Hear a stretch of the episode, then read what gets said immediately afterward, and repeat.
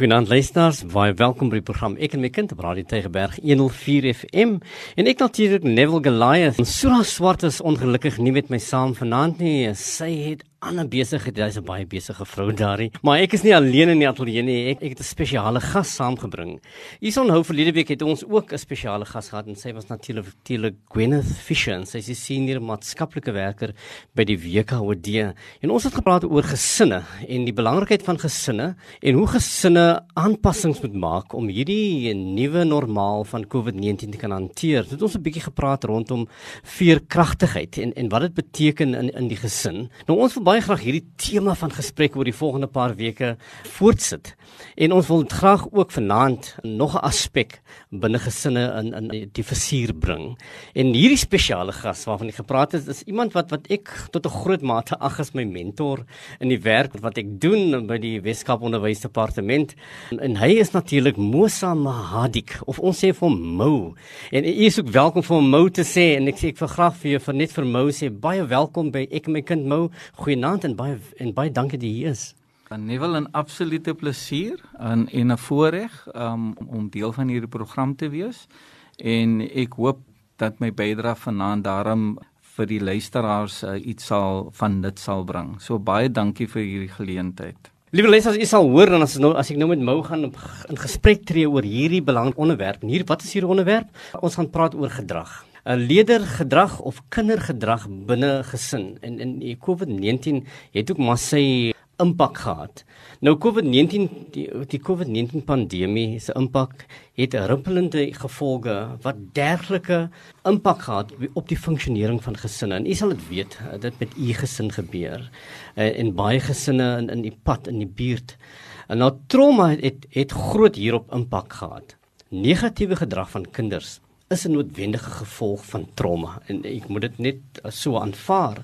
Wat is die impak van trauma op die welstand van kinders in gedrag? Mou as as as ons kyk hmm. na die kinders waar hulle self bevind vandag en die trauma wat hulle beleef het. Wat sou jy sê uit jou ervaring het? Hmm. Wat is die impak wat dit op hulle welstand hmm. en gedrag sal hê? Nee wil ek wil eintlik 'n bietjie uh, teruggaan en sê die impak van van hierdie pandemie en in die ramptoestand basies van van die land 'n nuwe normaal in ons gemeenskap ingebring wat basies 'n onbekende of onverwelkomde gas hmm. um in ons huis geplaas. Ek wil dit in, op so 'n manier verduidelik dat ons het so maklik al hierdie fisiese veranderings aanvaar want dit was 'n kwessie van beleid en dit was noodsaaklik net om hierdie pandemie te oorleef.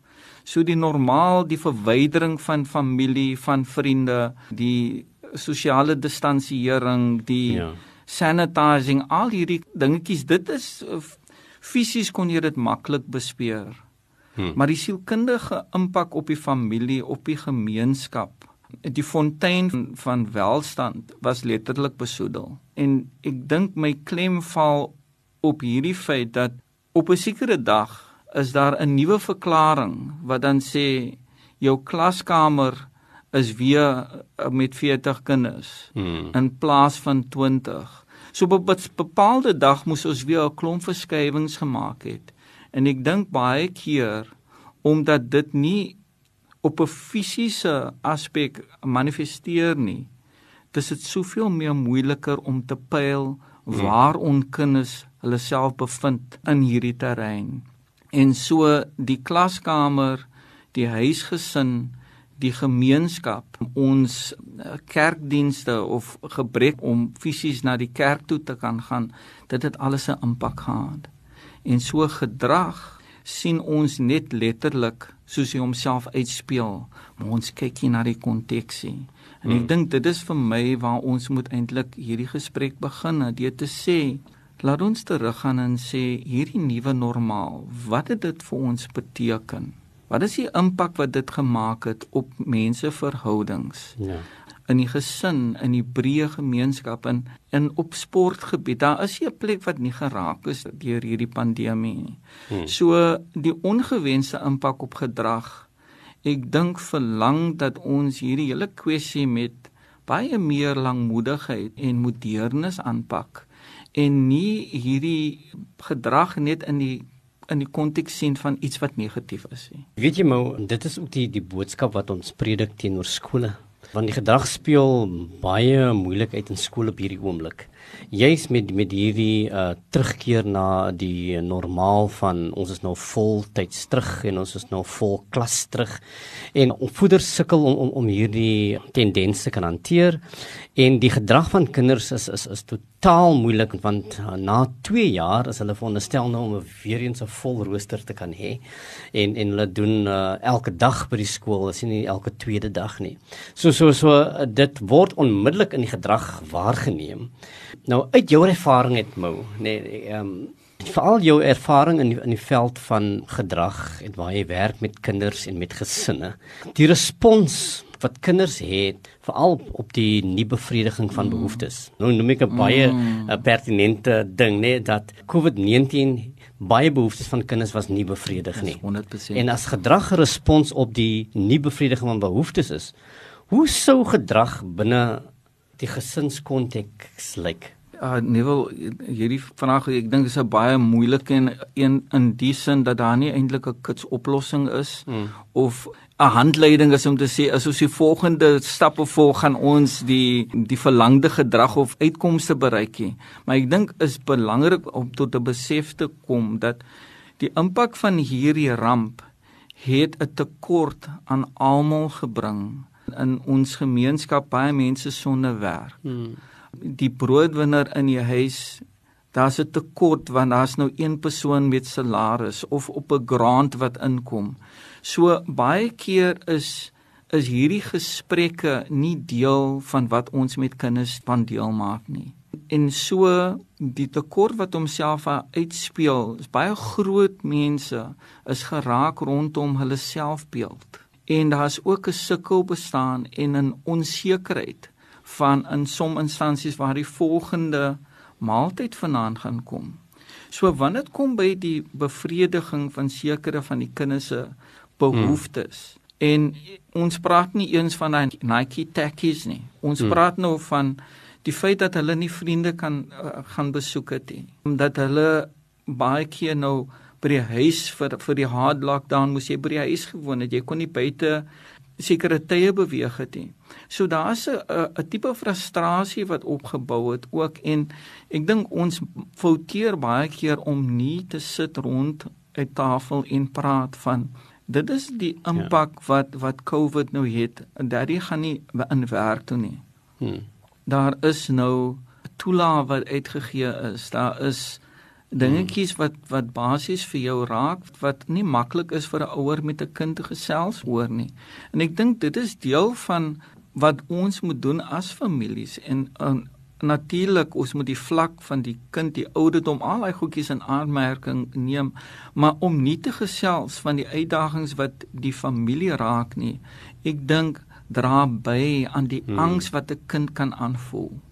Hmm. Ons hoef sekere dinge nie vir ons kinders te sê nie wat hulle onmiddellik kan optel. En so laat ons praat daaroor. Laat ons hulle verduidelik hier is 'n tekort, maar dit sal nie altyd so wees nie. Ook in terme van die vriende en in toegang tot dingetjies wat hulle in die verlede gedoen het, dat dit normaal sal weer terugkeer. Ek dink in my ondervinding wat 'n bietjie 'n bron van kommernis is, is dat ons as groot mense skakel nie altyd in in die kind se private logika nie. Vir ons is dit op wit en swart, maar ons weet nie watter vriendekring ons kinders betrokke is nie. Wat sê die die nuutste anime wat hulle betrokke ja. is by nie. Dit is 'n wêreld wat eintlik onbekend is vir ons en wat baie van die kind se aandag vir al ons adolessente en dan kom hierdie gedrag uit in wat baie maklik in Engels is as 'n meltdown hmm. word deesdae. Maar dit is 'n ineenstorting van alles wat bekend is aan ons en wie ons kind um, ja. se identiteit was voor dit. En dis hoekom ek sê dit is so belangrik om te kloof aan die die gebed basies dat wat my kind in sy moeder se melk gekry het in hierdie hmm. huis dat dit vir hom sal deurdra maar dat in hierdie tyd van beproewing Wat kan ons daar sit as 'n anker sodat ons nie in gesprek wat te georiënteerd is, strafgeoriënteerd is, maar dat ons nog altyd 'n positiewe klimaat van gesprek, maar altyd belangrik uh, beskou. So laat ons gedrag wat op die oomblik miskien ontoepaslik is, in soms aggressief is, kortaf is, 'n reaksie wat nie gepaard gaan met die versoek nie, dat daar oorreaksie is, dat ons as die groot mens moet onsself liewes instudeer om te kyk watter hulpbronne is daar vir my om tans die nuwe 'n spyskaart wat hierdie pandemie letterlik vir ons opdis om vir ons beter te bemagtig om dit te kan hanteer. Nou ek wil nie sê dat verkeerd is reg nie. Verstaan my mooi. Uh, ek sê nie gooi dit uit by die deur nie, ja. want kyk, ek dink daar is perke wat ons moet stel in gemeenskap, in skole. Ja. Daar's kodes wat ons gedrag reguleer. Al wat ek net sê dat moenie dat ons daai verhouding prys gee hmm. deur iets wat môre iets van die verlede is nie net soos maskers nou nie meer buite sigbaar is nie. Vir 'n tyd het dit ons identiteit bepaal. Dis reg dis reg Liewe leser, ek gesels met Mo Mahadik en uh, hy is gedragspesialis verbonde aan spesiale onderwys met die WKOD.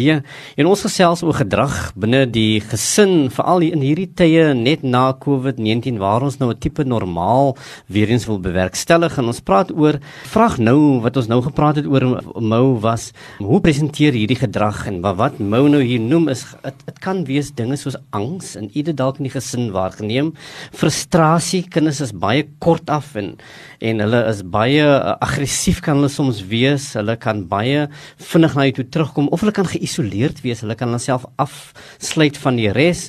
En dan is daar daar natuurlik hierdie meltdowns of of, of hierdie tantrums wat wat wat kinders kan gooi en baie keer kan 'n tantrums weet wat totaal ontoepaslik was tot wat vooraf gebeur het. En uh, ons plaas alles dit binne die konteks van uh, hierdie nuwe manier van dinge doen na COVID-19 En Mou het 'n ding nou genoem van van 'n privaat logika van 'n kind. Mm. Ek wonder soms, nê, nee, uh, wat sou die privaat logika van 'n tienerseun wees in hierdie tyd? Ek dink dis 'n hoë graad vraag daardie aso, maar maar letterlik, ek dink eh, dis soms mag dit belaglik klink, maar dis amper soos vir adolessente dat Dit is 'n hele toneelspel. Die hele storie is 'n klug om ons vryheid in te kort. Mm. Om die dingetjies wat ons gewoonlik kan doen om letterlik bepalinge rondom ons aan te plaas. En letterlik dat hierdie virus, hy kan nie vir my teken nie. Dit is iets wat wat vir groot mense uit die uit die weg uit maak. Maar ons is soos ehm uh, Superman of Super Saiyan of wat ook al die die nuwe superheld daar is, dit gaan nie vir hulle raak nie. En tog, ehm um, nebel wat ek wil noem is is ek dink dat ons miskien as groot mense en ook binne in ons verskillende werksituasies miskien nie genoeg 'n steierwerk gedoen het om hmm. vir ons voor te berei letterlik vir die gevolge, die traumatiese impak wat COVID op almal gehad het nie. Ek dink dat ons het die skywing van 'n nuwe normaal na die normaal wat ons bekend maak, hmm. nie genoeg voorbeplan nie. So jy sê ouers is hier reg voorberei op dit wat dit, wat wat dit nou presenteer. 100%. Dit is my gevoel. Ek ek dink dat ons letterlik voel dat op 'n sekere dag en datum van ons in opdrag gee dat alles na normaal terug moet keer. Ons besef miskien nie soms dat die buurman wat altyd vir my gevra het om 'n werkie te kom doen en ek het 'n sakgeldjie daar verdien nie. Hmm. Hy is nie meer daar nie. My klasonderwyseres en wie die enigste persoon was wat wat regtig ek voel my bestaan by die skool geken het vir die regte redes en nie omdat ek 'n stoute kabouter is of wat hmm. ook al nie. Hy persoon het gesterf, het ons miskien 'n memorial service vir haar gedoen om afskeid te neem van haar. Ek noem dit as klein insidente, maar in daai kindse wêreld, ons weet nie wie groot in hy kind se wêreld is nie. Ons kan nie aanvaar dat familie en en onmiddellike die die die vriendekring is wie miskien die belangrike mense is in hulle lewe nie. En so beleef hulle ook die dood as 'n dief wat gekom het en letterlik nie net geliefdes van ons weggevat het nie, maar ook 'n sekere leefwyse, vryheid, vriende, socials, verjaarsdae. Jy's lief vir iemand wanneer jy nie met hom assosieer in hierdie tyd nie. Ek meen dit is so teenstrydig. Dit flip ja.